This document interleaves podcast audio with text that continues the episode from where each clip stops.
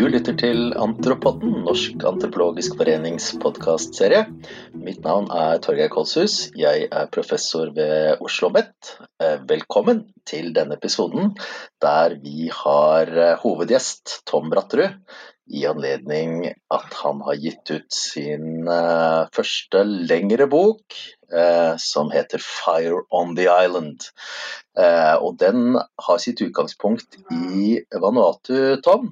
Tom er for øvrig postdoktor ved Sosialantropologisk institutt ved Universitetet i Oslo. Um, og siden både du og jeg har jobbet i Vanuatu, så er det lett å ta det litt for gitt. Så kanskje vi skulle først si litt hva slags land Vanuatu er? Ja, Vanuatu er jo et uh, øyrike i det sørvestlige Stillehavet. I den kjente antropologiske regionen Melanesia, som mange kjenner til. Um, her er det 83 øyer. Der uh, husker ikke hvor mange av dem som er bebodd, men uh, 78, ja. Uh, og der Det er et av verdens mest lingvistisk varierte land, si, altså med flest språk, forskjellige språk. Og der du har jobba, Torgeir, og i nord, på øya Måta. Og der jeg jobba i ca. i midten, litt nord for midten, i et, på en øy som heter Malekula. Og en bitte liten øy som heter Akam, som ligger utafor Malekula. Ja. Og nå drar vi til, eh, direkte til Akam, tenker jeg. Og så eh, vil jeg at du skal fortelle litt eh, først hva slags bok det er du har skrevet. Altså Hva er liksom hoved, uh, hovedlinja i den uh, bærebjelken den, i den monografien som du forteller? Mm. Altså Først så kan jeg si at boka er jo da et resultat av tre eh, feltarbeid 2010, 2014 og 2017. Og, eh, så den eh, tar eh, i seg både masterfeltarbeidet mitt og doktorgradsfeltarbeidet mitt og et postdoc-feltarbeid. Og den følger noen lange linjer. altså Hovedfokuset i boka det er et ganske så spesielt case, kan en si, som oppsto eh, under doktorgradsfeltarbeidet mitt, der et tredvetalls barn plutselig begynte å falle om og få beskjeder fra Den hellige ånd om hvordan folk skulle leve riktig i det her lille øysamfunnet, som består av ca. 600 folk, i en tid med masse politisk uro og krangling og, og splittelse. Så det jeg gjør i boka, det er å ta utgangspunkt i denne eh, spesielle casen, eh, som til og med hadde et, et veldig dramatisk eh, en dramatisk konsekvens. Det var at to menn eh, blei eh, hengt for å være trollmenn og ansvarlige for mye av problema på øya de siste 20-30 åra. Eh, så jeg tar tak i den casen, og så prøver jeg å nøste opp hva det her var for noe. Hvordan kunne det her skje? og det eh, betyr at en må innom eh, postkoloniale landpolitikken i Vanuatu. Eh, folks eh, slektskapspraksiser, deres eh, håp for framtida, eh, og hvordan alt det her egentlig sementeres i den her kristne vekkelsesbevegelsen leda av, av barn. Mm. Undertittelen til boka di er 'Fair Hope and the Christian Revival in Vanuatu'. Altså den Balansen mellom fair og hope den later til å være veldig sentral i boka di. Hva består den i, og kanskje også i hvilken grad kan den la seg overføre sånn komparativt til forståelsen av andre dynamikker i andre samfunn? Mm. Ja, altså det hovedbidraget mitt teoretisk eh, i boka, som er på en måte den mer sånn generelle, det generelle teoretiske bidraget, det er handler om frykt og håp som eh, gjensidig konstituerende følelser som, eh, som, drivkraft for sosial endring og kanskje sosial handling eh, i seg sjøl. Og ideen der, jeg kan jo bare forklare det kort, det er at for at endring skal skje, altså for at folk skal kunne skape endring, så, så, er det ofte både håp og frykt involvert. Og begge deler.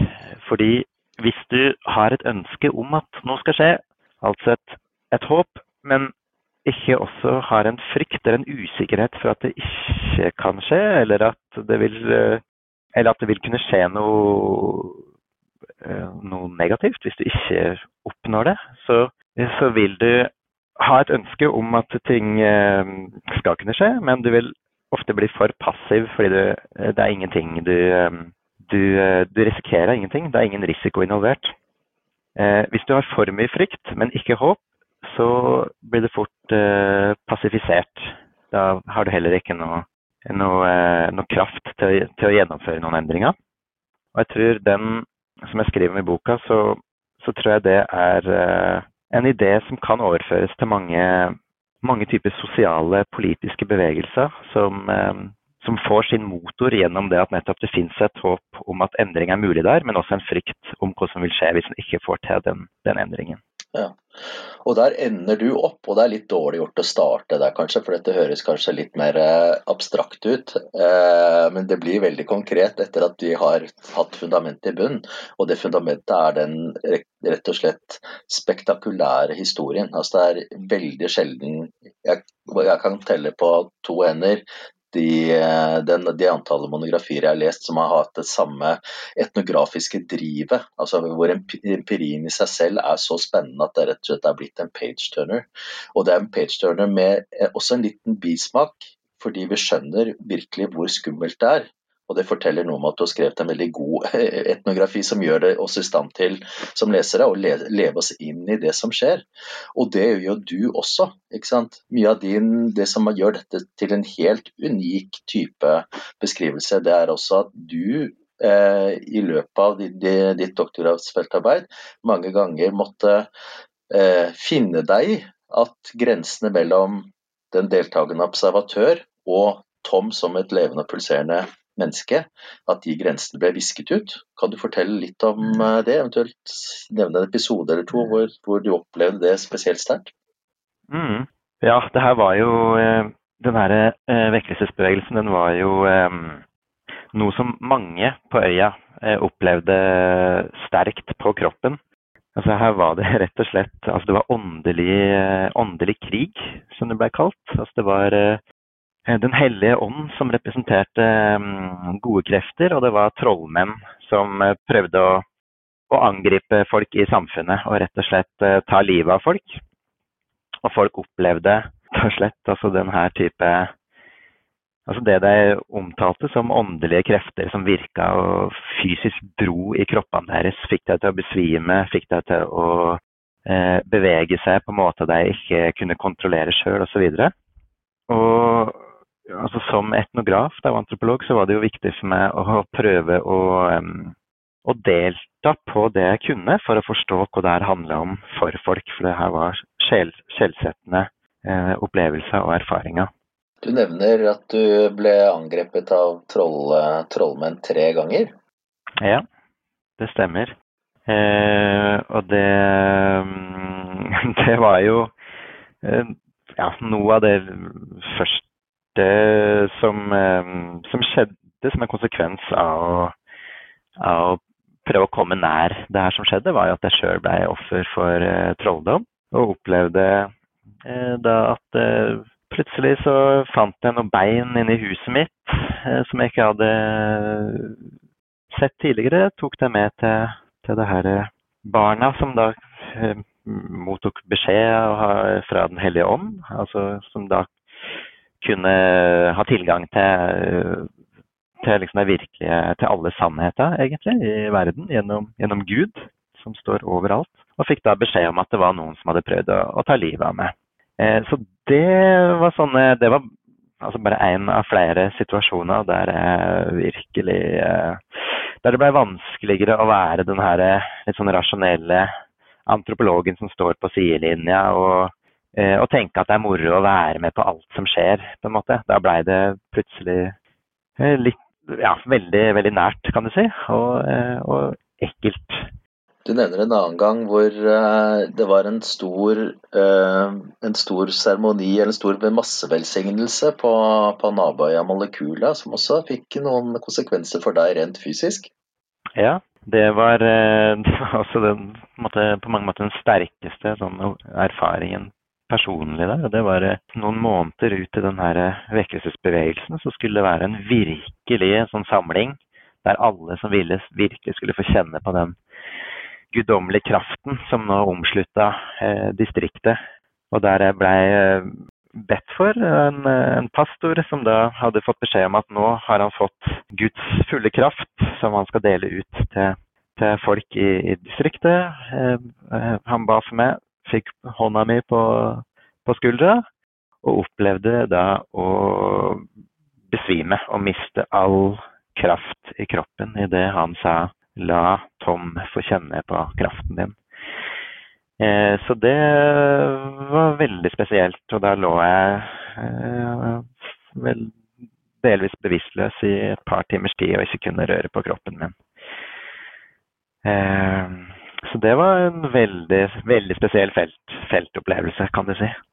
For det, det er jo type Når du forteller dette, så sitter jo vi eh, her som ikke har opplevd noe tilsvarende og tenker at oi, eh, det var litt rart, og kanskje Tom er også litt rar, ikke sant?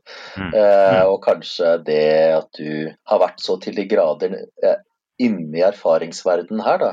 Eh, noen vil kanskje stille spørsmål ja, men hva med, den, hva med distansen til dette? ikke sant? Hvor er, hvor er, den, hvor er den vitenskapelige objektiviteten? her. Hva slags mm. forklaring kommer Tom med på dette? Var det Den hellige ånd som grep, mm. grep ham, eller var det en eller annen gammel psykologisk mekanisme som slo inn? Altså, hva, hva, tenkte du da du valgte å, valgte å beskrive dette såpass i detalj? Ja, nei, altså eh, Det var Altså, det var ikke jobba litt med uh, i hvilken grad jeg skulle skrive om det, og hvor mye jeg skulle ta med. For det er jo, som du sier, det er jo et slags brudd. Altså en gjør seg ganske sårbar, for den skal jo være den herre litt sånn eh, vitenskapelige eh, figuren med det kalde hodet. Men samtidig så, så var det viktig for meg å, å skrive om det, fordi altså I boka så prøver jeg jo å forklare eh, hvordan en sånn bevegelse kan få så stor kraft, gjennomslagskraft, i en befolkning i et samfunn og bli så oppleves som så eksistensielt viktig for folk. Som igjen kan forklare hvorfor det faktisk skjedde eh, et, eh, et drap i på mange måter ikke i Guds navn nødvendigvis, men i hvert fall av kristne folk som mener at drap er den største synden du kan begå. Så hvordan kan en forklare det? Og da måtte en til det her kroppslige, sterke erfaringene som folk hadde i løpet av denne ni måneders perioden med daglige erfaringer av denne typen. Så for å, eh, for å hjelpe leseren til å sette seg inn i det, så var det viktig for meg å vise at eh, det her kunne skje meg også. Eh, som eh, tross alt var der og jobba hele tida med den der erfaringsnærheten samtidig som jeg trakk meg tilbake og prøvde å, å finne en måte å analysere det på. Så, så, for meg så var det viktig, og for meg også for å vise at, at folk i, uh, rundt omkring i verden altså det, er, det, var, det har vært nok eh, med sånn eh, nedverdigende kommentarer om hvordan folk kunne vært med på en vekkelse som det her. Så for meg så er det viktig å vise, vise at ok, det her kan til og med antropologen erfare, kjenne på kroppen, begynne å stusse på, mm. og derfor egentlig bidra til, til analysen og overførbarheten eh, av den, den vek, de vekkelseserfaringene som folk, folk, hadde i feltet mitt. Mm. For Det slo meg også da jeg leste at vi har en sånn gammel tommelfingerregel om at eh, for å forandre noe, så må vi først forklare det, og for å forklare noe, så må vi først forstå det. Men her ser det ut som om for å forstå det, så er det egentlig også litt avhengig av å erfare i hvert fall en del av dette. Mm. At det har vært en viktig faktor i ja, din analytiske ramme også. Da. Ja, eh, og jeg opplevde det egentlig sånn. Eh, fordi det her var jo eh, mye av det derre mest skjellsettende erfaringene folk hadde gjennom vekkelsen, som igjen gjorde at den fikk så mange tilhengere, som gjorde at den blei såpass sterk og definerende i samfunnet, det var jo nettopp det her, denne type erfaringer som folk eh, kjente på kroppen og ikke kunne forklare veldig på enkle måter, eller med, til og med med det det er forklaringsmodellene jeg opererte med i, i hverdagen. Så, så, jeg opplevde det sånn som et slags mm. gjennombrudd for min egen del òg. At OK, det er det her som gjør at Rolland nå gir bort land plutselig til sin erkefiende. Fordi han har hatt denne type erfaring som, som, uh, som han ikke kan forklare på andre måter enn at den er, den er guddommelig.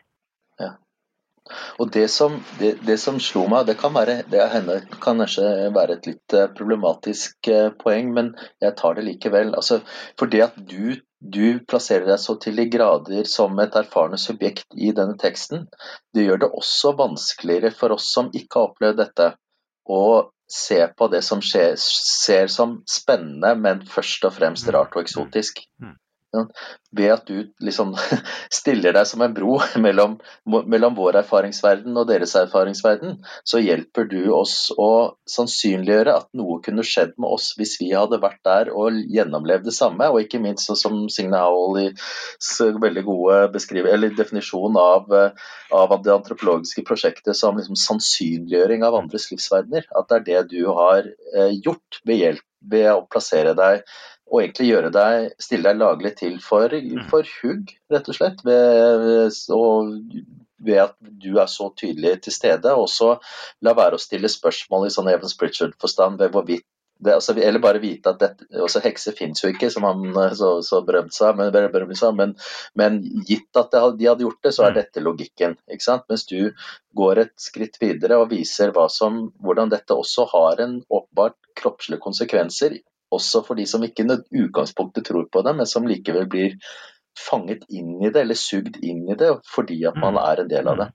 Absolutt, og det er, ehm, det er jo Jeg tar det som et kompliment, Torgeir, at du sier det. Det skal du gjøre, Tom. Mm, og så er det jo, Jeg, jeg syns det er viktig Det er jo hørt ehm, altså et, Etter jeg begynte å fortelle om ehm, den empirien her på konferanse og prate med kollegaer og, og, sånne ting, så har det jo kommet fram eh, historie om eh, ganske kjente antropologer også, som har hatt en del erfaringer med en i felt som de ikke har eh, rett og slett turt å skrive om. Um, for å ikke, ikke make a fool of myself, som en anonymisert, kjent antropolog visstnok har fortalt tidligere nevnte Signe Howell. Så det er, men jeg tror det er viktig. Jeg tror det er kjempeviktig. Ja, og så er det et fagetisk valg også, tenker jeg. Og det som er så spesielt i din monografi, det er og Du skal ikke ha gjort mange eh, ja, timene med tenkning på feltarbeid før du skjønner at her er det i ditt tilfelle så har det vært veldig veldig mange mm. ulike fagetiske valg og dilemmaer rett og slett som du har måttet du har stått i og mm. måttet velge kurs mm. blant, eller velge blant. Og et av de som det gjelder sant, hvordan vi skriver etnografi og etterlivet til de etnografiene vi skriver. Fordi Stort sett så vil jo vi snakke, og vi ønsker i hvert fall å, å, tenke om oss selv som at vi skriver for ettertiden. At vi skriver for uh, Etnografien er det eneste som står etter oss. altså Teorier vil kommer og går, men etnografier som er gjort under gode, gode feltarbeidbetingelser og med de rette etiske grepene for øvrig, de blir stående og de blir lest, og de kan brukes og ha verdi i lenge, lenge etter at vi er gått bort, og de folkene vi beskriver er gått bort.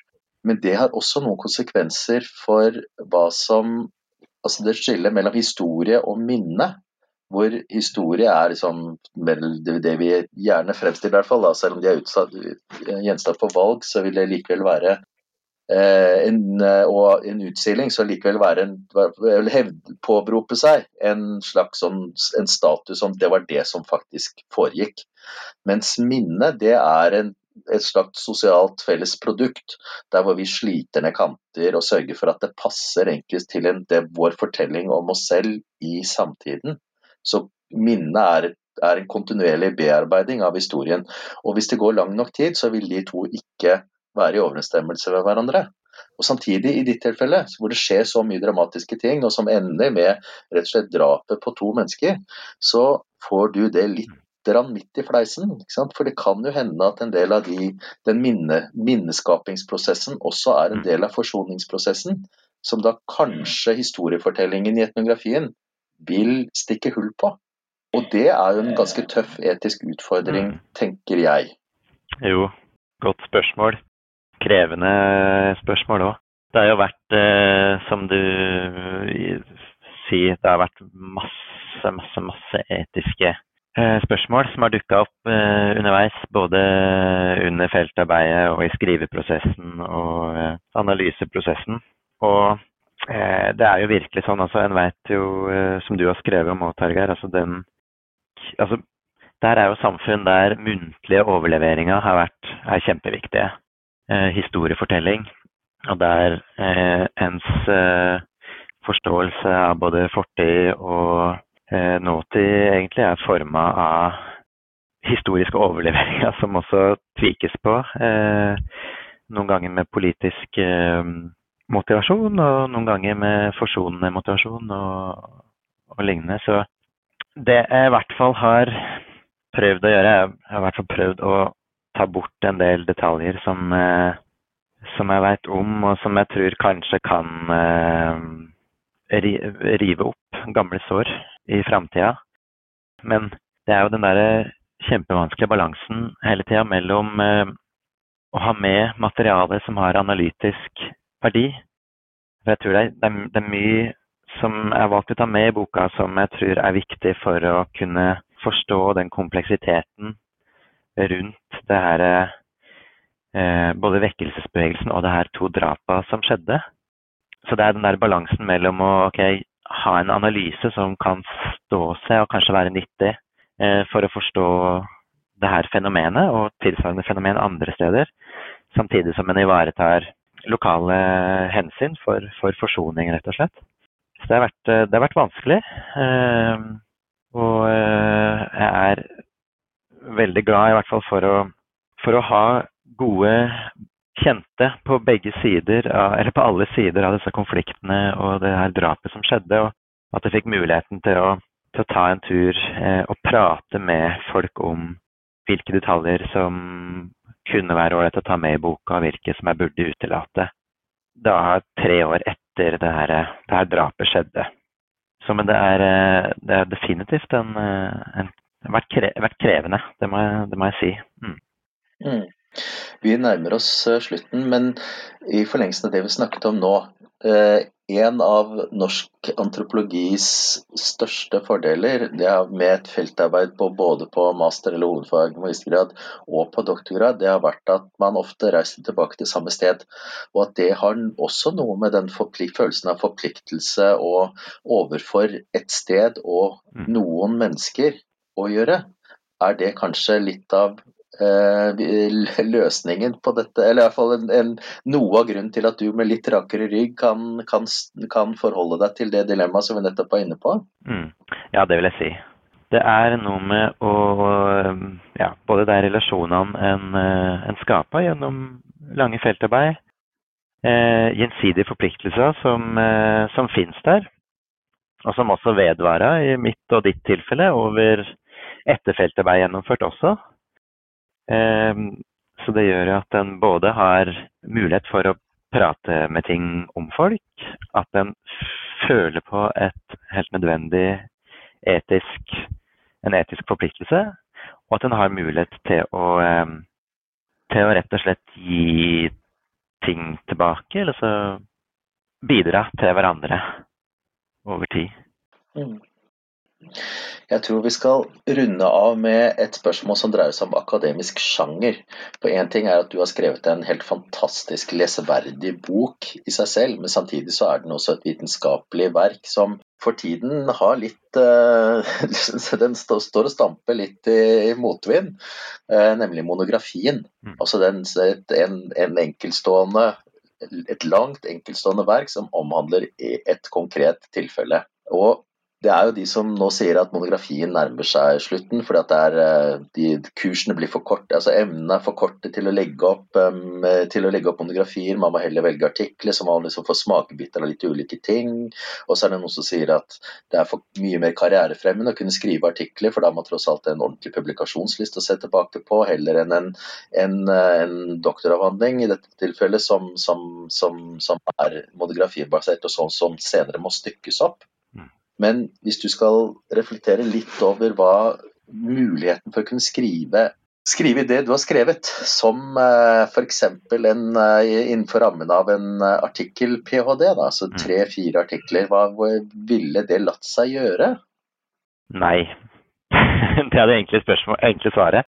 Ja, dessverre var det litt, litt spørsmål, men, men jeg prøvde ja. å være litt åpen. Altså det, for ja. kunne, kunne, det latt seg gjøre? Hva, hva, for, det, for, det, dreier seg også om en, en, den grunnleggende antropologiske ideen om, om holisme. Man har en antakelse om at ting og eh, fenomener og aktører må ses i lys av hverandre, ikke som, eh, som stykke, ikke stykkevis og delt. Du kan ikke beskrive økonomi uten å ta med ritualer eller slektskap eller osv. osv. Altså, eh, enkeltsider av det her kunne, kunne skrives som, som, artikler, som jeg også har gjort. Men i mange tilfeller Altså, livet er, er sammensatt. I, I, mange situasjoner, sånn som med den historien som jeg forteller i den boka, så er det For å virkelig forstå det, så må det både en god dose etnografisk eh, beskrivelse til, og det trengs at en får plass til å gjøre rede for, eh, for sammenhenger både i tid og rom. Så, så, for meg så var det helt uh, essensielt å kunne ha monografiformatet og, uh, og tegne det opp i innafor. Mm. Og det, det, gjelder, det, gjelder, nok mange, mange, viktige fortellinger der ute. At det, det, trengs, det trengs plass. Ja, det trengs plass, men det er ikke gitt at det trengs å gjøre så innmari kjedelig, kanskje? Nei, For noen, noen fortellinger i ditt tilfelle er det nesten umulig, men det fins jo de antropologer vi kjenner som skriver med skjegg på pennen av menneskelig tilværelse, kanskje nesten aktivt unngår å gjengi episoder som folk ler av, fordi at de er redd for at leseren skal le av folkene og ikke av episoden. Og jeg mm. tror det er ganske usunt, rett og slett. Fordi at det skjer jo morsomme ting. Og det er ikke bare på øyer som du og jeg jobber i Vanuatu, hvor det å være det å, å spøke faktisk ikke bare er noe man gjør, men noe som er påbudt vis-à-vis noen typer slektskapsrelasjoner. Absolutt. Så vi kan kanskje ta en liksom dobbel lærdom av uh, av ikke nødvendigvis din monografi, for case, det du beskriver er helt unikt, men bare den tanken om at det går jo an å gjøre noe lesevennlig også, og ha en forestilt leser som ikke nødvendigvis kun er kolleger og folk enda lenger oppe i systemet, mm. men som rett og slett er beskrevet for at folk selv skal kunne lese dem med utbytte, og for at folk som ikke nødvendigvis har en antropologisk bakgrunn, også kan gjøre det. Mm. Absolutt. Og jeg hører jo til den eh, fløyen som også mener at uh, kompliserte ting kan beskrives med et uh, enkelt språk. Mm. Og at alt er forenkling. Altså Det pulserende og levende livet du, du, har beskrevet, det er åpenbart en forenkling. Alt er en forenkling, og vi må bare finne ut hvor grensen går mellom forenkling og overforenkling i hvert enkelt tilfelle. Men jeg tror vi stort sett er langt, langt, langt inne i det grønne området når vi beskriver våre ting. altså. Er det en slags oppfordring vi kan slutte med, eller Tom, du og jeg sammen? Ja, jeg syns ja, det, ja. det, er en eh, ålreit oppfordring. Ja. Fin konklusjon. Ja, Da går den ut til Antropodens lyttere. Tusen takk for at dere var med oss eh, i dag. Eh, Tom Bratterud og Torgeir Kåshus eh, takker for seg. Og hvis du likte det du hørte, så er det bare å følge denne podden videre, og gjerne ta noen av de episodene som allerede foreligger også. Ha det godt. Ha det bra.